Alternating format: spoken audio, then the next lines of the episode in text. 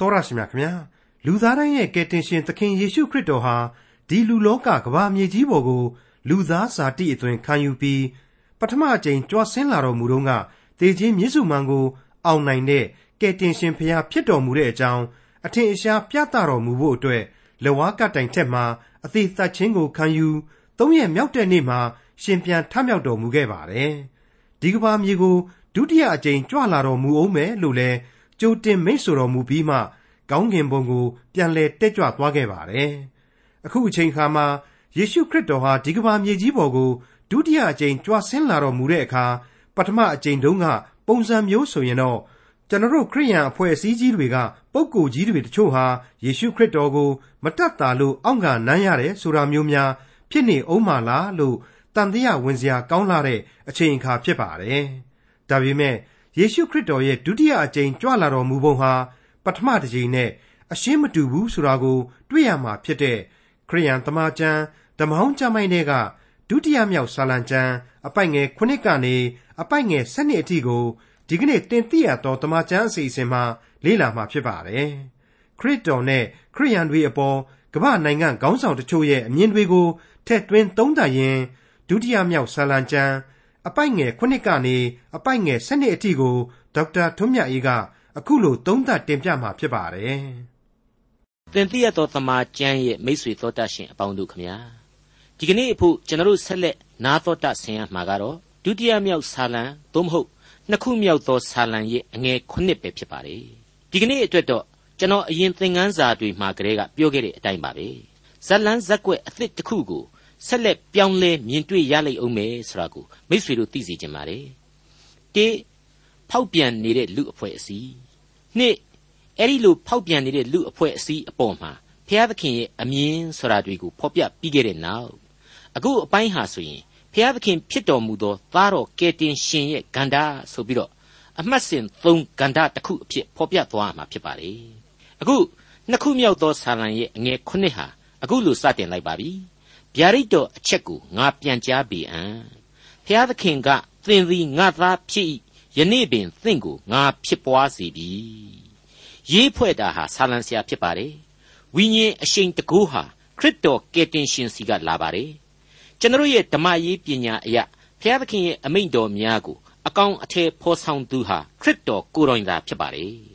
ခရစ်တော်ကိုဖျားသခင်ဖြစ်တော်မူသောသားတော်လို့ကျွန်တော်သုံးဆွဲထားပါတယ်ဟုတ်ပါတယ် သုံးပါးတဆူဖြစ်တော်မူသောဘုရားသခင်ဟာခရစ်တော်လည်းဖြစ်တယ်။တန်ရှင်းသောဝိညာဉ်တော်လည်းဖြစ်တယ်။အပြစ်လူပုံလွှမ်းရည်ခြုံသည်ယုံကြည်ကိုးစားဤသုံးပါးဖြင့်ဘုရားသခင်အသက်ရှင်၏လို့ကျွန်တော်ဆိုချင်ပါတယ်။နာမတော်အမျိုးမျိုးတကိုးတော်ကအစုံစုံနဲ့ကျွန်တော်တို့ကိုအပြစ်ဘုံမှခိုလုံနိုင်ဖို့ရန်သုံးပါးတဆူဖြစ်တော်မူကြောင်းကိုကျွန်တော်တို့သိထားပြီးဖြစ်ပါတယ်။အကြိမ်ကြိမ်လည်းကျွန်တော်ရှင်းပြခဲ့ပြီးဖြစ်ပါတယ်။ရှုပ်ထွေးခြင်းအရှင်းမရှိပါဘူး။ပို့ပြီးတော့လုံခြုံစေပါတယ်။ ကိုးကွယ်ဝတ်ပြုရမှပို့ပြီးတော့အာအင်ပြေဝစွာကိုးကွယ်နိုင်တယ်အသက်ရှင်ရာလမ်းတို့ကိုရှောက်လန်းစေရန်အတွက်ပို့ပြီးတော့ရှင်းလင်းပြတ်သားစွာမိမောင်းထိုးပြနေတယ်လို့ကျွန်တော်ဆိုချင်ပါတယ်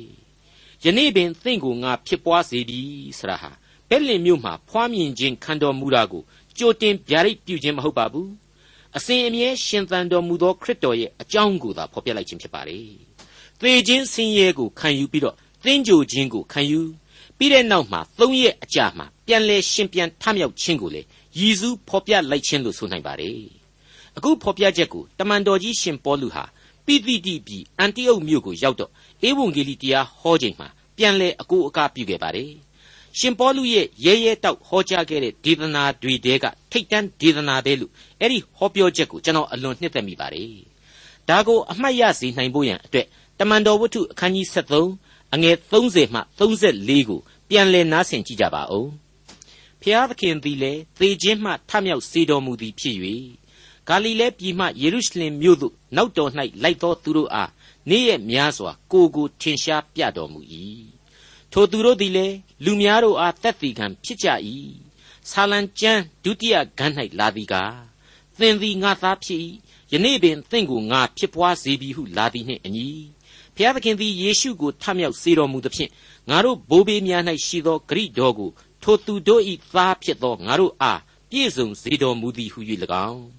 ဒါဝိဒ်၌မြဲမြံသောကျေးဇူးတော်ကိုသင်တို့အားငါပေးမည်ဟုသောဗျာဒိတ်တော်နှင့်အညီထိုသခင်ကိုသေခြင်းမှထမြောက်စေ၍နောက်တဖန်ပုတ်ဆက်ခြင်းသို့မပြန်ဘဲအစဉ်ကင်းလွတ်ရမည်အခွင့်ကိုပေးတော်မူသည်ဟု၍၎င်း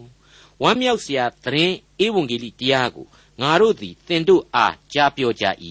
အဲ့ဒီလိုတွေ့မြင်ရခြင်းဖြစ်ပါလေအခုဒုတိယမြောက်ဆာလံအငယ်9ကဖော်ပြချက်ဟာဖြင့်ကယ်တင်ရှင်သခင်ခရစ်တော်ဆိုတာဟာဖျားစစ်စစ်လူစစ်စစ်ဖြစ်တယ်လူစားတိကိုဖော်ပြလိုသောဘုရားသခင်ကိုတော်တိုင်ဖြစ်တော်မူတယ်ဆိုတာကိုအခိုင်အမာဖော်ညွှန်းသက်သေကြည့်လိုက်ပါတယ်အဲ့ဒီလိုဘုရားသခင်ဖြစ်တဲ့သားတော်အကြောင်းကိုလူသားတွေနားလည်နိုင်အောင်လို့ဘုရားသခင်ဖြစ်တဲ့ခမည်းတော်ကနေပြီးတော့အခုလိုဆက်လက်ဖော်ပြလိုက်ပါတယ် နှစ်ခုမြောက်သောဆာလံအငယ်၈ငါကိုတောင်းလောလူအမျိုးမျိုးတို့ကိုသင်၏အမွေဥစ္စာဖို့ငါပေးမည်မြေကြီးစွန်းတိုင်အောင်ပိုင်တိုက်သောအခွင့်ကိုလည်းငါပေးမည်ကယ်တင်ရှင်သခင်ခရစ်တော်ရဲ့အခွင့်အာဏာတော်ဟာဘလောက်အထိကြီးမားတယ်ဆိုတာကိုအထူးဖော်ပြနေဖို့မလိုတော့ပါဘူးလက်ဝါးကတ်တိုင်ပေါ်ကတန်ကျက်ဒဏ်ရာတို့နဲ့လက်တော်တို့ဟာလူသမိုင်းကြီးတစ်ခုလုံးကိုကင်တွယ်အုပ်ချုပ်လျက်ရှိနေပါတယ်မိษွေတို့ကိုကျွန်တော်ဟာရှင်ယောဟန်ခရစ်ဝင်ကျမ်းရဲ့အစပိုင်းသင်ခန်းစာတွေမှာကလေးက အစအဦးဆိုတဲ့အနန္တကာလမှာကလေးကခရစ်တော်ဆရာဟာဘုရားသခင်နဲ့အတူရှိခဲ့တယ်နှုတ်ကပတ်တော်ဟာလူစားတိကိုခံယူတော်မူသောအခါမှာလေခရစ်တော်ပင်ဖြစ်လာတယ်ခရစ်တော်အားဖြင့်ပင်လျှင်ဖျားသခင်ဟာအသက်လမ်းကိုချထားပေးခြင်းဖြစ်တယ်ဆိုတာကိုကျွန်တော်ရှင်းလင်းဖွင့်ဆိုခဲ့ပြီးဖြစ်ပါတယ်။ဒါတွေကိုလည်းကျွန်တော်ကကြမ်းအကိုအကားနဲ့ပဲဆက်လက်ဖော်ပြခြင်းပါတယ်။ရှင်ယောဟန်ခရစ်ဝင်ကျမ်းအခန်းကြီး1အငယ်1မှ9ကိုနားဆင်ကြည့်ကြပါ။အစအဦး၌နှုတ်ကပတ်တော်ရှိ၏။ နှုတ်ကပတ်တော်သည်လည်းဖျားသခင်နှင့်အတူရှိ၏။နှုတ်ကပတ်တော်သည်လည်းဖျားသခင်ဖြစ်တော်မူ၏။ထိုနှုတ်ကပတ်တော်သည်အစအဦး၌ဖျားသခင်နှင့်အတူရှိ၏ထိုနှုတ်ကပတ်တော်သည်ခတ်သိမ်းသောအရာတို့ကိုဖန်ဆင်းတော်မူ၏ဖန်ဆင်းတော်မူခြင်းနှင့်ကင်းလွတ်လျက်ဖြစ်သောအရာတစ်စုံတစ်ခုမျှမရှိထိုနှုတ်ကပတ်တော်၌အသက်ရှိ၏ထိုအသက်သည်လည်းလူတို့၏အလင်းဖြစ်၏ထိုအလင်းသည်မှောင်မိုက်၌လင်း၍မှောင်မိုက်သည်မခံမယူအဲ့ဒီလိုတွေ့ရခြင်းဖြစ်ပါလေ တခါရှင်ယောဟန်ခရစ်ဝင်ကျမ်းအခန်းကြီး1အငယ်14မှာကျွန်တော်တို့ဆက်ပြီးမြင်နိုင်ပါတယ်နှုတ်ကပတ်တော်သည်လည်းလူစားတိအဖြစ်ကိုခံယူ၍ကျေးဇူးတော်နှင့်၎င်းတစ္ဆာတော်နှင့်၎င်းပြည့်စုံလျက်ငါတို့တွင်တည်နေတော်မူသည်ဖြစ်၍ခမည်းတော်၌တပါးရီသောသားတော်ဤဘုံကဲ့သို့သူဤဘုံတော်ကိုငါတို့သည်မြင်ရကြပြီအဲ့ဒီလိုပြက်ပြက်သားသားကျွန်တော်တို့တွေ့ကြရပြီဖြစ်ပါတယ်မိษွေအပေါင်းတို့ လူပေါင်းလောကကိုအုပ်ဆိုးတော်မူသောကယ်တင်ရှင်ဟာလွန်ခဲ့တဲ့နှစ်ပေါင်း2000ခန့်တုန်းကကယ်တင်ခြင်းတရားကိုပေးဖို့ကြွလာခဲ့ပါတယ်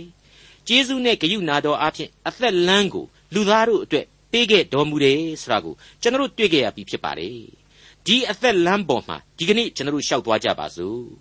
ဒါပေမဲ့အဲ့ဒီကယ်တင်ရှင်ရဲ့ဒီလိုအသေးခံတော်မူခြင်းကျေးဇူးတော်ဟာအတိတ်အချိန်မှဒုံးကလို့သာအမြဲသိမ်မွေ့နူးညံ့နေမယ်လို့မဆိုနိုင်ပါဘူး ဒါကိုရှင်းရှင်းလင်းလင်းရှိအောင်လို့အခုနှစ်ခုမြောက်သောဆာလံဟာဆက်လက်ဖော်ပြသွားပါပြီအငယ်ကိုငါကိုတောင်းလော့လူအမျိုးမျိုးတို့ကိုသင်၏အမွေဥစ္စာဖို့ငါပေးမည်မြေကြီးစွန်းတိုင်အောင်ပိုင်တိုက်သောအခွင့်ကိုလည်းငါပေးမည်သင်သည်သူတို့ကိုတန်လှန်တန်နှင့်အုပ်ဆိုး၍မြေအိုးကိုခွဲဖြက်တကဲ့သို့ခွဲဖြက်လိမ့်မည်ဟုငါအာမိန်တော်မူပြီကဲအကြီးအကျယ်ပြောင်းလဲသောကယ်တင်ရှင်ရဲ့ကြွလာတော်မူခြင်းပုံစံသစ်ဖြစ်သွားရပြီ အခုကြွလာတဲ့အချိန်မှာသူဟာပထမအချိန်တုန်းကလို့နွားစခွက်မှာဖွားမြင်ခြင်းမဟုတ်တော့ဘူး၁၂နှစ်သားကလေးအဖြစ်ဗိမာန်တော်မှာတွားပြီးတော့တရားဆွေးနွေးလည်းမနေတော့ဘူးအသေးမခံတော့ပါဘူးကားတိုင်းပေါ်အတင်ခံပြီးတော့လေအသွေးတော်အားဖြင့်လူသားတို့အသက်လမ်းကိုဝယ်ယူမပြီးတော့ပါဘူးကျေးဇူးနဲ့ဂရုဏာတော်ကိုလည်းမပြသတော့ပါဘူးဟုတ်ပါတယ်ဒီကနေ့သူကြွလာမယ်ဆိုရင်သူဟာကယ်တင်ခြင်းတရားကိုနှစ်2000ပြသပေးခဲ့ပြီမဟုတ်ဘူးလား နောင်နှစ်1000မှာသူကြွလာမယ်ဆိုရင်ကယ်တင်ခြင်းကျေးဇူးတော်ဟာသက်တမ်းနှစ်ပေါင်း3000တည်ခဲ့ပြီမဟုတ်ဘူးလားရှင်းမယ်ထင်ပါတယ်နော်ယုံရင်ဆန်ခတ်ပြုတ်နေတဲ့လူအဖွဲ့အစည်းထောင်ထားခြားနာခြင်းကြီးစွာနဲ့ဘုရားသခင်ရဲ့ကယ်တင်ရှင်သခင်ခရစ်တော်တို့ရဲ့ကိုရန်ပြုတ်နေတဲ့လူအဖွဲ့အစည်းအတွက်တရားစီရင်ရန်ကြွလာတော်မူမှသာဖြစ်ပါတယ်အဲ့ဒီဒုတိယကြွလာတော်မူခြင်းအချိန်ဟာကျွန်တော်လူသားတွေအတွက်ကြောက်စရာတရားစီရင်ခြင်းအချိန်သာဖြစ်ပါလိမ့်မယ် ဖော်ပြထားပါတယ်ဆာလံတီချင်းမှာပြန်ပြီးတော့လေ့လာကြည့်ရင်ရှင်းရှင်းကြီးတွေ့ရပါတယ်တန်လှန်တန်နဲ့အုပ်ဆိုး၍မြေအိုးကိုခွဲသည်ကဲ့သို့ခွဲဖြက်လိမ့်မည်ဆိုတာကိုဆာလံဆရာဟာအခိုင်အမာဖွင့်ပြောလိုက်ပါပြီမိษွေတော်တတ်ရှင်အပေါင်းတို့ကျွန်တော်တို့တွေဟာခရစ်ဝင်ကျမ်းတွေမှာပထမအကြိမ်ကယ်တင်ရှင်လူစားတိကိုခံယူခဲ့တုန်းကခရစ်မတ်မွေးနေ့တော်ပွဲရဲ့ဖြစ်ရပ်တွေကယ်တင်ရှင်သခင်ခရစ်တော်ရဲ့နှိမ်ချတဲ့ဘဝပုံစံတွေ ဘလောက်ပဲမောဟိုက်နေနေလူသားတွေကိုယောဂကုသပေးခဲ့တာ ड़ी အသေးခံခြင်းမြင်ကွင်းတွေစသဖြင့်မြင်ကွင်းပေါင်းစုံကိုအသေးစိတ်တွေ့ခဲ့ရပြီးသားပါအခုလိုဒုတိယအကြိမ်မြောက်ကြွလာတော်မူခြင်းတရားစီရင်ဖို့ရန်အတွက်သံလှန်တန်နဲ့ကြွလာပြီးတော့မြေအိုးဆိုတဲ့မြေကြီးသားတွေကိုခွဲဖြက်ပြီးတော့မှဝိညာဉ်တွေကိုသိမ်းဆည်းခြင်းအပြစ်ပေးစီရင်ခြင်းဆိုတာတွေကိုသာမရှိဘူးဆိုရင်အဲ့ဒီလိုကြောက်မဲ့ဖွယ်သောဖះရဲ့ဘုံတကူတော်နဲ့ ကြွလာတော်မူမှာမဟုတ်ဘူးဆိုရင်အဲ့ဒီလိုဒုတိယအကြိမ်ကြွလာတော်မူခြင်းအချိန်မှာခရစ်တော်ကိုပထမအကြိမ်ကြွလာတော်မူတုန်းကလိုပဲလူအဖွဲ့အစည်းဝင်လူသားတွေဟာထပ်ပြီးတော့တပ်ဖြတ်ကြအောင်မှာလားကားတိုင်းတော်ပေါ်မှာပြန်ပြီးတင်ကြအောင်မှာလားလို့ကျွန်တော်တွေးတောမိပါတယ်မိမရကစားကျွန်တော်တန်ငယ်ချင်းလူချမ်းသာတယောက်ကတော့ရွှွတ်ရွှွတ်နောက်နောက်နဲ့ပြောပြပါတယ်ခရစ်တော်များအခုနေတရားစီရင်ဖို့ကြွလာမယ်ဆိုရင်အခန်းတကာဖွင့်မပေးဘူးမသိချင်ဟန်ဆောင်းနေမယ်တဲ့ အဲ့ဒါနဲ့ကျွန်တော်ကဟဲ့ကောင်မင်းခရစ်တော်ကိုအဲ့ဒီလိုလုပ်လို့ဘယ်ရမလဲကွာဆိုပြီးပြောတော့တငယ်ချင်းကလေခရစ်တော်ဆိုတာတောင်းပန်ရင်ရနိုင်ပါတယ်ကွာတရားစီရင်မယ်ဆိုရင်တောင်ကျွန်တော်မျိုးကြီးမိမရကားစားမလို့တပတ်နှစ်ပတ်လောက်ဆိုင်းထားပါအောင်ဖေဟာဖြစ်နိုင်ရင်တရားစီရင်မယ်ဆိုရင်လေသူများတွေအကုန်လုံးစီရင်ပြီးနောက်ဆုံးကြမှာစီရင်ပါခမညာဆိုပြီးတော့တောင်းပန်ရမှာပဲတဲ့အဲ့ဒါဟာအမှန်တော့သူကနောက်တာဒါပေမဲ့ကျွန်တော်ကတော့နက်နက်ရှိုင်းရှိုင်းစဉ်းစားစရာတွေရှိတယ်လို့ထင်ပါတယ် တကယ်လို့သာပထမအကြိမ်ကြွလာတော်မူခြင်းအတိုင်းဆိုရင်တော့ကျွန်တော်ခရိယန်အဖွဲ့အစည်းကြီးကပုံကိုကြီးတွေတောက်မှခရစ်တော်ကိုမတတ်တာလို့အောင့်ကနမ်းရတယ်ဆိုတာမျိုးများဖြစ်နေအောင်မှလားဆိုပြီးတော့တွေးမိပါတယ်။ဘာပဲပြောပြောဆာလံတီချင်းအမှတ်စဉ်နှစ်ကဗျာဒိတ်တော်ကတော့ပြင်းပြင်းထန်ထန်ဆိုလိုက်ပါပြီ။ယနေ့ပင်ငါဖြစ်ပွားစေတဲ့ငါသားတော်ဟာမြေတစ်ပြင်လုံးကိုအစိုးရမယ်။နောက်တစ်ခါကြွလာရင်တန်လှန်တန်နဲ့အုပ်ဆိုးပြီးတော့မြေအိုးကိုခွဲဖြတ်တယ်လို့ခွဲဖြတ်ပြစ်လိုက်မယ်တဲ့။ မိတ်ဆွေအပေါင်းတို့ကယ်တင်ရှင်ယေရှုတော်ကိုလက်ခံဖို့ဆိုတာဟာကိုယ့်အသက်တာရဲ့ဦးစားပေးလုပ်ငန်းပါ။အချိန်မဆွဲကြပါနဲ့ရှင်သန်ရာဘဝဆိုတာဟာအတိုင်းအတာဘလောက်ထိသာရှိမယ်ဆိုတာကိုကိုမသိနိုင်ဘူးလို့သူ့ရဲ့တရားစီရင်ခြင်းဟာဘယ်တော့ဖြစ်မလဲဆိုတာကိုလေကျွန်တော်တို့ဘယ်သူမှမသိနိုင်ပါဘူးဆုတောင်းလျက်သာစောင့်ကြရမှာပါတနည်းအားဖြင့်တော့ယုံကြည်လျက်စောင့်ရမယ်ဆိုတဲ့အတိတ်ပဲပါပဲအခုချိန်မှာဆိုရင်တော့ဆာလံနှစ်ရဲ့အပိုင်း၄ကိုရောက်ပြီလို့ကျွန်တော်ဆိုချင်ပါတယ် လူအဖွဲ့အစည်းရဲ့မြင်ကွင်းကောင်းကင်ဘုံရှင်ရဲ့မြင်ကွင်းဘုရားသခင်ဖြစ်သောသားတော်ရဲ့မြင်ကွင်းတွေကိုတွေ့ခဲ့ပြီးခဲ့လို့အခုသရုတ်ထနဲ့နောက်ဆုံးအပိုင်း၄ကတော့ဖျားသခင်ဖြစ်တော်မူသောတန်ရှင်းသောဝိညာဉ်တော်ဟာဘယ်လိုဘယ်လိုဒီဆာလံဒုတိယမြောက်ဆာလံအခန်းကြီး1ကိုဖြည့်ဆွက်ပေးမယ်လူပေါင်းလောကကသိစေဖို့အတွက်ဘယ်လိုဆက်လက်ဖော်ပြသွားမယ်ဆိုတဲ့အပိုင်းပဲလို့ကျွန်တော်ဆိုလိုက်ပါရစေအငယ်30နဲ့7တို့ဖြစ်၍ရှင်ဘရင်တို့ပညာသတိရှိကြလော့ လောကီမင်းတို့ဆုံးမခြင်းကိုခံကြလော့ကြောက်ရွံ့သောစိတ်နှင့်ထာဝရဘုရား၏အမှုတော်ကိုထမ်းရွက်၍တုန်လှုပ်ခြင်းနှင့်ဝမ်းမြောက်ကြလော့အလွန်တရာကျေးဇူးကြီးလာတဲ့တန်ရှင်းသောဝိညာဉ်တော်ရဲ့သွန်သင်ခြင်းပဲလို့ယင်ထဲမှာခံစားရပါတယ်စောစောကဖော်ပြခဲ့တဲ့အပြစ်သားကြီးတွေအကုန်လုံးဘုရားသခင်သိစေခြင်းနဲ့အချက်ဟာရှင်းနေအောင်ဒီအပိုင်းမှာတွေ့လာရပါပြီအပြစ်သားကြီးတွေအကုန်သတိပြုရမယ့်အချက်တွေပေါ့ကြောက်မဲ့ဖွယ်ပြက်သုံးခြင်းဆိုတာကိုဘုရားသခင်ဖြစ်စေခြင်းသလား လူသားတို့ကသာလျှင်စာရမဏတ်နဲ့ပေါင်းဖက်ပြီးတော့ကိုလန်းကိုကိုရွေးတာလားဆိုတာကိုအလွန်သိသိသာသာပေါ်ထွက်လာစေပါတယ်အစိုးရမင်းအပေါင်းတို့အတွက်အလွန်ကောင်းမွန်တဲ့လက်ညွန်ဖြစ်သလိုယေပရောဟိတ်ကဲ့သို့သောပြည့်ညတ်တော်ဥပရိသကိုကင်ဆွဲရသူဒီကနေ့ဥပမာပေးရမယ်ဆိုရင်တော့ဓမ္မအမှုတော်ဆောင်များအပါအဝင်သာသနာခေါင်းဆောင်တွေအတွက်ပါပေါ့သူတို့အတွက်လည်းဥပရိသတစ်ခုပဲလို့ကျွန်တော်ခံယူမိပါတယ်တကယ်တော့ဒီဆာလံတီချင်းရဲ့အဆုံးအမတွေဟာ အခုလိုစာတစောင်ပေတစ်ဖွဲ့မဖြစ်မီကလေးကအဲဂုတ်ထုပြည်မှာဖာရောဘရင်ကြီးအတွက်တည်ရှိခဲ့တာပဲအဲ့ဒီဖာရောဘရင်ကြီးကိုကြားကန်ထားဖို့အတွက်အကျဉ်းတောင်တဲကယောသဆိုတဲ့လူငယ်ကလေးအပေါ်မှာကောင်းကြီးပေးပြီးတော့ဖျားသခင်အသုံးပြုပေးခဲ့တာပဲဆိုတာကျွန်တော်ဆင်ခြင်မိပါတယ်တခါအဲ့ဒီဖာရောမင်းရဲ့ခေတ်နောက်ပိုင်းနှစ်400အကြာ အခြားသောဖာရောဘရင်ကိုလေမောရှေလိုလူတစ်ယောက်ကိုရွေးကောက်ပြီးတော့အဲ့ဒီဘရင်ကြီးကိုဆုံးမဖို့ဘုရားသခင်စေလွတ်ခဲ့သေးတာပဲဆိုတာကိုကျွန်တော်သတိရမိပါတယ်အဲ့ဒီအတိုင်းပါပဲကမ္ဘာအင်အားကြီးတို့အင်အားကြီးနိုင်ငံတို့ရဲ့သမိုင်းကိုပြန်ကြည့်ရင်ပထမဦးဆုံးသောအင်အားကြီးနိုင်ငံကြီးဖြစ်တဲ့ဘာဘူးလုံခေတ်မှာနေပုတ်ခတ်နေစာဆိုတဲ့ဘုရင်ကြီးအတွက်ဒံယေလဆိုတဲ့လူငယ်ကလေးကိုဖျားသခင်အသုံးပြုခဲ့တာအဲ့ဒီဘာဘူးလုံခေတ်ဒ ကုံသွားတဲ့အချိန်အခါကြပြန်တော့လေ Alexander the Great ဆိုတဲ့ဘုရင်ကြီးနဲ့ပတ်သက်ပြီးတော့သူနဲ့သက်ဆိုင်တဲ့အနာဂတ်ကျမ်းတွေအားဖြင့်ကယ်တင်ရှင်ဂျေဇုကိုပြုတော်မူခဲ့တာစတဲ့အချက်တွေကိုကျွန်တော်ပြန်လည်ဆင်ခြင်မိပါတယ်အရေးအလွန်ကြီးပါတယ်မိတ်ဆွေအဲ့ဒီ Greek တွေရဲ့စာပေယဉ်ကျေးမှုနဲ့ပဲတမန်တော်ကြီးရှင်ပေါလုရှင်ပေတရုရှင်လုကာတို့ဟာဧဝံဂေလိသတင်းစကားကိုကဘာကုံကျဲသွေးဝေမျှနိုင်ခဲ့တဲ့အကြောင်းတွေနဲ့တကွာ ခရစ်တော်အချိန်ကာလမှာတကိုးထွားခဲ့တဲ့ယောမအာနာရှင်ကြီးတွေကိုယ်တိုင်ဟာလည်းပဲခရစ်တော်ရဲ့ကယ်တင်ခြင်းတရားကိုလက်မခံတုန်းကလည်းသွေးချောင်းစီအောင်ကွမြဲလက်ခံပြီးဆိုပြန်တော့လေကပ္ပသမိုင်းကစံပြုတ်ရလောက်အောင်ပြောင်းလဲယုံကြည်ခြင်းဖြစ်ပေါ်ခဲ့ကြတယ်ဆိုတာတွေ့ကိုလေကျွန်တော်အလွန်နဲ့ဆိုင်စွာစဉ်းစားမိပါတယ်ဟုတ်ပါတယ်အခုဒုတိယမြောက်ဆာလံဟာအဲ့ဒီလိုအစိုးရမင်းတွေကိုဆုံးမခြင်းပြုခဲ့တဲ့ဘုရားသခင်ရဲ့ဘုန်းတော်အကြောင်းကိုသေသေးချာချာရည်ညွှန်းဖော်ပြနေပါတယ်တစ်ချိန်တည်းမှာပဲ ယေဘရဟိတ်လိုလူဒန်းစားတွေကဘုရားသခင်သခင်ခရစ်တော်တို့ကိုယံပက်ပြုလိုကြတာလူစုလို့ဘုရားသခင်ဖော်ညွှန်းတဲ့ရွေးကောက်တော်မူသောဣသရေလလူမျိုးတော်ကိုယ်တိုင်သည်ပင်လျှင်ဘုရားသခင်ကိုပြစ်ပယ်ပြီးတော့အချီးနှီးသောအကြံအစီများနဲ့တော်လှန်ကြတာဆိုတာတွေကိုတွေ့ရပြန်တော့လေအဲ့ဒီကျေးဇူးတော်ဂိယူနာတော်တို့ကစလာတဲ့ကယ်တင်ရှင်တရားကိုလူသားကဘာဟာဘယ်လိုများဖောက်ဖောက်ပြန်ပြန်နဲ့လက်မခံနိုင်ပဲရှိပြန်တယ်ဆိုတာကိုရင်မောစွာဆက်လက်တွေးတောမိပြန်ပါတယ် ဘာပဲဖြစ်ဖြစ်ဘုရားသခင်ရဲ့အလိုတော်နဲ့အညီဒီလောကလူရွာဟာအမျိုးမျိုးအဖုံဖုံဖြစ်နေရလိမ့်မယ်ပြက်နေရလိမ့်မယ်စာရမဏဥဆောင်တဲ့လူဇာတိပဂရိယေဝိညာဉ်ပဂရိတို့ယေဟာအစဉ်တစိုက်အားပြိုင်နေရမှာပဲငါတို့ယုံကြည်သူတွေအနေနဲ့ကတော့ဝိညာဉ်ပဂရိရဲ့အကျိုးကျေးဇူးကိုကိုခံယူရရှိသလိုမေတ္တာတော်ရဲ့ကိုခံစားရပမာဏနဲ့အညီဝေမျှဖြန့်ပြူပေးရမှာပဲဆိုတဲ့အသိစိတ်များနဲ့သာနှစ်သိမ့်လို့နေမိပြန်ပါလေဟုတ်ပါတယ် ကြောက်ရွံ့သောစိတ်နှင့်ထာဝရဘုရား၏အမှုတော်ကိုထမ်းရွက်ရမယ်တုန်လှုပ်သည့်အထိပြင်းပြစွာသောခံစားချက်များနဲ့ဝမ်းမြောက်သောအသက်တာမှာကျွန်တော်ကျင်လည်ကြရမှာပါအဲ့ဒီလိုအစိုးရမင်းတို့ကိုပညာသတိရှိကြပါ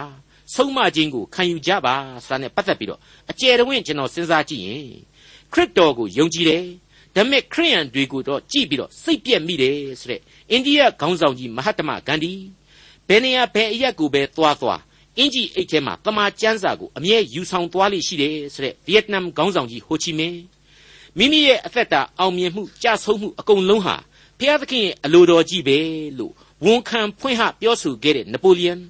သေကန်ဤကြမှာခရစ်တော်ကိုအကျွင့်မဲ့ယုံကြည်ပါတယ်အပြစ်ရှိသမျှအတွက်ဝန်ချတောင်းပန်ပါတယ်ဆိုတဲ့အာနာရှင်ကြီးမူဆိုလိုနီတို့ကအစားမျက်မှောက်ကာလအထိကြရဲ့ရိုက်ခတ်ခဲ့တဲ့နိုင်ငံရေးသမိုင်းတွေကိုလည်းကျွန်တော်အနေနဲ့စိတ်ပါဝင်စားစွာဆန်းစစ်ကြည့်မိပါတယ် ဒီအခါမှာတော့ခရိယန်ဆိုတဲ့ခရစ်တော်ကိုလက်ခံပါတယ်ဆိုပြန်တိုင်းလေလူသားတို့ဟာအလိုတော်နဲ့ညီညွတ်နေပြီလို့အပြည့်အပြတ်မဆိုနိုင်ဘူးစစ်မှန်တဲ့ငြိမ်းချမ်းရေးအတွက်ကျေးဇူးပြုတယ်လို့လည်းမဆိုနိုင်ဘူးဇာတိပဂရိရဲ့လွှမ်းမိုးချယ်လေသောအပြစ်စိတ်တို့ကသာလျှင်လူသမိုင်းမှာပို့ပြီးတော့တွင်ကျယ်နေတယ်ဆိုတဲ့အသည့်တရားတွေထပ်မံဖြည့်ဆည်းလာပြန်ပြီးတဲ့နောက်ကိုတို့ရဲ့လူသမိုင်းဟာအပြစ်သမိုင်းနဲ့စစ်သမိုင်းသာလျှင်ဖြစ်တယ် ဒီအမှန်တရားကိုဘုရားသခင်ဟာလူသားတို့ကိုနားလည်စေတယ်အဲ့ဒီလိုနားလည်မှသာလျှင်လေလူသားတို့အတွက်ဘုရားသခင်ကိုရှာဖွေကိုးစားဖို့အကြောင်းကဲတင်ချင်းကျေးဇူးတရားကိုတောင့်တဖို့အကြောင်းတွေရှိလာရလိမ့်မယ်လို့ကျွန်တော်အလေးအနက်တွေးဆမိပါတယ်နှစ်ခုမြောက်သောဆာလံအငယ်၁၂ကိုဆက်ကြပါစို့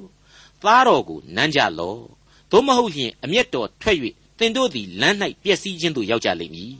အမျက်တော်သည်ချက်ချင်းထွက်လိမ့်မည် သားတော်ကိုကိုးစားသောသူအပေါင်းတို့သည်မင်္ဂလာရှိကြ၏ဒေါက်တာဂျော့ချ်ဂေးလ်ဆိုတဲ့ဓမ္မကတိကကြီးကသားတော်ကိုနမ်းကြလော့ဆရာဟာယုံကြည်ခြင်းရှိကြလော့ဆရာကိုပြောတာလို့အတိတ်ပဲပြန်ဆိုပါတယ်တမဟောင်းကာလရဲ့အရေးအဖွဲ့တွေထဲမှာအလွန်ထူးဆန်းတဲ့ခေတ်ရှေ့ပြေးစကားရတစ်ခုပဲဖြစ်တယ်လို့လေသူ့ရဲ့အယူအဆကိုဖော်ပြပါတယ်။တနည်းဆိုရရင်တော့ဒါဟာဖိလိပ္ပိဆိုတဲ့မြို့ကလေးကထောင်မှုတယောက်အကြောင်းကိုသတိရခြင်းစရာပါပဲ။ ပေါလုနဲ့သီလတို့ကိုအာနာပိုင်တွေကနေပြီးတော့အထူးစောင့်ကြပ်ပြီးတော့မင်းထိမ့်သိမ့်ထားလို့အမိန့်ချထားတော့သေသေးချာလှောင်ပြီးတော့ထားတဲ့ညကြီးမှာမြင်းကလေးကြီးအကြီးအကျယ်လှုပ်ထောင်ကြီးတစ်ခုလုံးပွင့်ထွက်တော့အဲ့ဒီထောင်မှုကငါတော့ဒုက္ခရောက်ပြီဆိုပြီးတော့သတ်သေးဖို့လုပ်ခဲ့တယ်အဲ့ဒီသူသတ်သေးမဲ့အဖြစ်ကိုမြင်တော့ပေါလုနဲ့သီလတို့ကကြပြကြရဝင်ပြီးတော့ငါတို့ရှိတယ်ဟေးဘယ်မှမသွားဘူးကိုကိုကိုသတ်မသေးပါနဲ့ကွာလို့ပြောတော့မှသူ့ဘဝမှာဒီသာသနာခေါင်းဆောင်ကြီးတွေကြောင့်ကဲတင်ချင်းရရှိသွားတယ်ဆိုတာကို တွေ့ရတဲ့အပိုင်းမှာကြားရတဲ့စကရက်တီနဲ့တူညီတယ်လို့လည်းကျွန်တော်ဆိုချင်ပါတယ်တမန်တော်ဝတ္ထုဇလံတွေကတမန်တော်ကြီးတွေပြောခဲ့တဲ့ပြောစကားကအခုလိုဖြစ်ခဲ့ပါတယ်သခင်တို့အကျွန်ုပ်သည်ကယ်တင်ခြင်းသို့ရောက်အံ့သောငါအဘယ်သို့ပြုရပါမည်နည်းဟုမေးလျှောက်လေ၏ထိုသူတို့ကလည်းသခင်ယေရှုခရစ်ကိုယုံကြည်လော့ယုံကြည်လျင်သင်နှင့်သင်၏အိမ်သူအိမ်သားတို့သည်ကယ်တင်ခြင်းသို့ရောက်ကြလိမ့်မည်ဆိုတဲ့အချက်ဖြစ်ပါတယ်ဟုတ်ပါတယ်ကယ်တင်ရှင်သခင်ခရစ်တော်ကိုနမ်းခြင်းဟာ ကယ်တင်ရှင်သခင်ခရစ်တော်ပေးတဲ့အသက်လမ်းအတွက်တက်လှမ်းရန်အတွက်ပဲဖြစ်ပါတယ်ဒီအချက်ဟာသားတော်အဖျင်ကယ်တင်ခြင်းကိုရယူလောဆိုတဲ့သဘောကိုဆောင်းတယ်လို့အခုဆာလံတီချင်းကိုရေးဖွဲ့ပြီးတဲ့နောက်နှစ်ပေါင်းတစ်ထောင်အကွာမှာသားတော်ရှင်သခင်ခရစ်တော်ကိုလူတစ်ယောက်ကနမ်းခဲ့ခြင်းကိုပါဆက်ဆက်တွေးခေါ်မိစေပါတယ်သားတော်ကိုနမ်းခဲ့သူကတော့တခြားမဟုတ်ပါဘူးယူရရှကာယုတ်ပဲဖြစ်ပါတယ်တပည့်တော်12ပါးထဲမှာတယောက်အပါအဝင်ဖြစ်တဲ့အဲ့ဒီယူရရှကာယုတ်ဟာ တစ္ဆာဖောက်ပြီးတော့ခရစ်တော်ကိုရောင်းစားလိမ့်မယ်ဆိုတဲ့ပရောဖက်တို့ရဲ့ဗျာဒိတ်ပြုမှုတွေဟာအနာဂတ်ကျမ်းတွေမှာပါဝင်ခဲ့ပါတယ်အဲ့ဒီအနာဂတ်တွေအတိုင်းလေယူရရှကာယုတ်တယောက်ဟာမပြည့်စုံရင်ပြည့်စုံအောင်တစ္ဆာဖောက်ပြီးတော့ငွေကျပ်30နဲ့ခရစ်တော်ကိုရောင်းစားခဲ့ပါတယ်ရောင်းစားရမယ့်အချိန်မှာညအမှောင်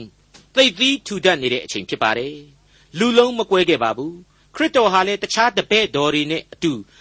အညတရဆန်စွာတည်ရှိနေတယ်ဆိုတော့ ဖန်ဆီးရမယ့်ယောမစစ်ဘူတွေဟာလူမမှားစေဖို့အတွက်ခရစ်တော်ဘသူလဲဆိုတာသိစေဖို့အတွက်ငါနမ်းပြမယ်ဆိုပြီးတော့ယူဒရှကာယုတ်ဟာခရစ်တော်ကိုအဲ့ဒီလိုနမ်းပြီးတော့အချက်ပြပေးခဲ့ပါတယ်အခုဆာလံနှစ်ရဲ့ဖော်ပြချက်တဲ့ကသားတော်ကိုနမ်းကြလောဆိုတဲ့အနာဂတ်စကားဟာအဲ့ဒီလိုအဖြစ်ဆိုးပုံစံနဲ့ယူဒရဲ့အလွန်ကြောက်စရာကောင်းသောအစိတ်ပြင်းထန်လှသောအနမ်းအဖြစ်ပြည့်စုံသွားရတယ် ဒါပေမဲ့အခုဆာလံနှစ်ကဖော်ပြထားတဲ့အတိုင်းနန်းချင်းအားဖြင့်ရှောက်သောလမ်းမှာမပြည့်စည်ရပဲမင်္ဂလာရှိသွားရဲ့လားယုံကြည်ခြင်းနဲ့ကယ်တင်ခြင်းတို့ရောက်ခဲ့ပါသလားဆိုတဲ့နောက်ထပ်မေးခွန်းတွေတန်တရားတွေဟာမြောက်များစွာအလေးအနက်စဉ်းစားစရာတွေပေါ်ထွက်လို့လာပါတယ်အနာဂတ်အတိုင်းသားတော်ကိုနန်းတယ်ဒါပေမဲ့အစိတ်ပြင်းထန်တဲ့အနံသေစေညွှန်းတဲ့အနံဖြစ်သွားခဲ့တယ်ဒီအချိန်မှာခရစ်တော်ဘယ်လိုဆိုခဲ့တယ်ဆိုတာကိုကြည့်ပါ ပြီးတော့နက်နက်နဲနဲစဉ်းစားကြည့်စေချင်ပါ रे ရှင်မသက်ခရစ်ဝင်ကျမ်းအခန်းကြီး26အငယ်90ယေရှုကလည်းအဆွေအဘဲအခင်းရှိ၍လာသနည်းဟုမေးတော်မူပြီးနောက်ဆိုပြီးတော့တွေ့ရပါတယ်ဒီတော့ကယ်တင်ရှင်ဟာသူ့ကိုနမ်းလောဆိုတဲ့အတိုင်းနမ်းလိုက်တဲ့အနမ်းဟာသစ္စာဖောက်သောအနမ်းအစိတ်နှင့်ပြည့်နေသောအနမ်းဖြစ်တာကိုသိတယ်ဒီအနမ်းအဖြစ်လေအနာဂတ်တိတို့ပြည့်စုံသွားတာကိုခန်းစားရတယ်ဒါပေမဲ့နန်းသူအဖို့မင်္ဂလာမရှိဘူး ကယ်တင်ခြင်းမခံရစေဘူးဆိုတာကိုသိနာလေတဲ့အတွက်ကြောင့်ယူဒာမင်းဟာအတိတ်ကာလဗျာဒိတ်တို့နဲ့အညီမလွဲမသွေသစ္စာဖောက်တဲ့အမှုကိုတော့ကျူးလွန်ပြီးပြီကိစ္စမရှိဘူးဒီအပြစ်ကနေအခုအချိန်မှလွတ်မြောက်ဖို့မင်းယုံထွက်လိုက်ပါတော့ငါရဲ့ကယ်တင်ခြင်းတရားကိုလက်ခံယုံကြည်ပြီးတော့မင်္ဂလာရှိသောသူအဖြစ်ပြောင်းလဲခံယူနိုင်ပါစေသတည်းလို့ဒီလိုဆိုလိုက်တာပဲဖြစ်ပါလေဒါကြောင့်မို့လို့လေယူဒရှကာယုတ်လို့အေယာမအပြစ်သားကြီးကို ကယ်တင်ရှင်သခင်ခရစ်တော်ဟာအလွန်နက်နဲတဲ့အတိတ်ဘယ်ကိုဆောင်းထားတဲ့အဆွေအဘဲအခင်းရှိသနည်းဆိုတဲ့စကားကိုဆိုလိုက်ချင်းပဲလို့ကျွန်တော်အလေးအနက်တင်ပြလိုက်ပါရစေမိษွေအပေါင်းတို့ခမညာယုံရင်ခတ်မြဖြစ်နေတဲ့လူဘဝအမျိုးမျိုးသောအချီးနှီးသောကြံစီအားထုတ်ခြင်းတွေနဲ့ပြည့်ဝနေသောလူဘဝဖျားသခင်နဲ့ခရစ်တော်တို့ကိုယံပက်ပြုနေသောလူလောကအတွက်အခုအချိန်မှာဂျေဇုနဲ့ဂရုဏာတော်အားဖြင့်ကယ်တင်ခြင်းဂျေဇုဟာစောင့်စားနေပါတယ် တရားစီရင်ရာအချိန်ကာလအတွက်လူသားတို့ကိုအသင့်အနေအထားမှာပြုပြင်ပြောင်းလဲပေးဖို့ရန်အချိန်တွေအများကြီးပေးထားလျက်ရှိနေပါသေးတယ်။တရားစီရင်ဖို့ရန်ခရစ်တော်ဒုတိယအကြိမ်ကြွလာတော်မူချိန်မှာတော့အဲ့ဒီလိုကွဲပြားခြားနားမှုတွေပုံကန်ထကြွမှုတွေဟာရှိခြင်းလို့တောင်းမှရှိလို့ရတော့မှာမဟုတ်သလိုလူသားတို့ရဲ့ဝိညာဉ်တွေဟာကိုယ်နဲ့ကိုယ်သာဆိုင်တဲ့ကိုရွေးချယ်ခဲ့ရာအသက်တာလမ်းစဉ်တို့နဲ့အညီ တရားစီရင်ခြင်းဆိုတာကိုတစ်ချက်မှဇောရကမတက်နိုင်ပဲခံကြရမှာမလွဲဧကန်အမှန်သာဖြစ်ပါလေအတိအကျကျွန်တော်မပြောတတ်ပေမယ့်တရုတ်ပြည်ပြင်းအောင်တွေးခေါ်ရင်းနဲ့နှိုင်းရှင်ချက်အနေနဲ့ပြောရမယ်ဆိုရင်တော့ pop music လို့ခေါ်တဲ့လူငယ်တွေရဲ့အကြိုက်တေးဂီတဝိုင်းတွေစိတ်ကြိုက်ကခုန်မှုတွေနဲ့လောကဇက်ခုန်ကြီးတစ်ခုဟာနာယီပေါင်းများစွာပျော်ရွှင်မြူးတူးလျက်ရှိနေတယ်အချို့ကလက်ခံပေးမယ်အချို့ကလက်မခံကြဘူး အချို့ကပျော်တယ်အချို့ကမပျော်ဘူးအချို့ကမူရစ်ရန်ကားပြီးတော့တချို့ကျတော့လေကိုယ်အတွေးနဲ့ကိုယ်ငိုက်မြည်နေကြတယ်တနည်းအားဖြင့်ဆိုရင်တော့ we are the world သို့မဟုတ်ငါတို့သာလျှင်ကဘာပင်ဆိုပြီးတော့ဒီလောကဇက်ခုံကြီးဟာတူရိယာအမျိုးမျိုးရဲ့ရိုက်ခတ်သံတွေလူတို့ရဲ့သရုပ်သကန်တွေအမျိုးမျိုးတွေနဲ့စီညံနေတယ်ထင်တိုင်းကျဲနေကြတယ်လို့ဆိုရပါလိမ့်မယ်အဲ့ဒီလိုထင်တိုင်းကျဲနေတဲ့အချိန်မှာရုတ်တရက်အမှောင်ကြီးကျသွားပြီးတော့ခဏနေတော့မှအလွန်တောက်ပတဲ့အလင်းတန်းကြီးတစ်ခုဟာ ဇက်ခုံဘောကိုထိုးကြလာတော့ဘသူမှမမျှော်လင့်တဲ့ကယ်တင်ရှင်သခင်ခရစ်တော်ဟာပေါ်လာတယ်သူနဲ့အတူတူပြိုင်ရှိနေတာကတော့ကောင်းကင်ဘုံကသူ့ရဲ့ကောင်းကင်တမန်တွေပဲဖြစ်တယ်ခရစ်တော်ဟာတစ်ချိန်လုံးတွတ်တွတ်လဲအောင်ပြားပန်းခတ်နေတဲ့လူလောကတစ်ခုလုံးကိုအကြဗန်တောင်မှကြားရလောက်တဲ့အထိမှင်သက်မိသွားစေတဲ့ပေါ်ထွက်လာခြင်းနဲ့ပေါ်ထွက်လာခြင်းမျိုးနဲ့ပေါ်ထွက်လာခြင်းဖြစ်တယ်။သူဟာသူ့ရဲ့သံလှန်တံကိုတစ်ချက်မြှောက်လိုက်တာနဲ့ဘယ်လူသားမှဘယ်တော့မှမကြားခဲ့ဘူးတဲ့။ ကောင်းကင်တေးသံတွေဟာတပြိုင်နက်တည်းထွက်ပေါ်လာရတယ်။ဒီအသံတွေဟာလောကလူသားတို့ရဲ့ယုံရင်ခတ်သံတွေတယောက်တစ်ပေါက်အသံတွေလိုမဟုတ်ဘဲနဲ့အင်မတန်ဩဇာညောင်းတဲ့တေးသံတစ်ခုဖြစ်လိမ့်မယ်။ဘာပဲပြောပြောဒီဂီတသံဟာလူတစုအတွက်မင်္ဂလာတရားကိုနားလေစေသောအသံကြံသောလူတစုအတွက်အမင်္ဂလာကိုဖြစ်စေမယ့်အသံမျိုးကိုနှမျိုးခံစားရစေလိမ့်မယ်လို့ကျွန်တော်စိတ်ကူးယဉ်မိပါတယ်ကျွန်တော်တို့ဘယ်လိုခံစားကြင်ကြပါသလဲ မင်္ဂလာတရားတေးသံများကိုခံစားကြင်ကြမှာပဲလို့ကျွန်တော်တွေးမိပါတယ်မင်္ဂလာရှိသောသူများဖြစ်စေဖို့ရန်အတွက်လေဆာလံဆရာရဲ့ဩဝါဒအတိုင်းရှင်သန်နေထိုင်နိုင်ကြပါစေလို့လည်းဆုတောင်းပေးလိုက်ပါတယ်တို့ဖြစ်၍ရှင်ဘရင်တို့သတိရှိကြလော့လောကီမင်းတို့ဆုံးမခြင်းကိုခံကြလော့ကြောက်ရွံ့သောစိတ်နှင့်ထာဝရဘုရား၏အမှုတော်ကိုထမ်းရွက်၍တုန်လှုပ်ခြင်းနှင့်ဝမ်းမြောက်ကြလော့သားတော်ကိုနမ်းကြလော့သို့မဟုတ်လျှင်အမျက်တော်ထွက်၍ သင်တို့သည်လမ်း၌ပျက်စီးခြင်းသို့ရောက်ကြလိမ့်မည်အမျက်တော်သည်ချက်ချင်းထွက်လိမ့်မည်သားတော်ကိုကိုးစားသောသူအပေါင်းတို့သည် မင်္ဂလာရှိကြ၏ဒေါက်တာထွန်းမြတ်ရေးစီစဉ်တင်ဆက်တဲ့တင်ပြတော်တမချန်းအစီအစဉ်ဖြစ်ပါတယ်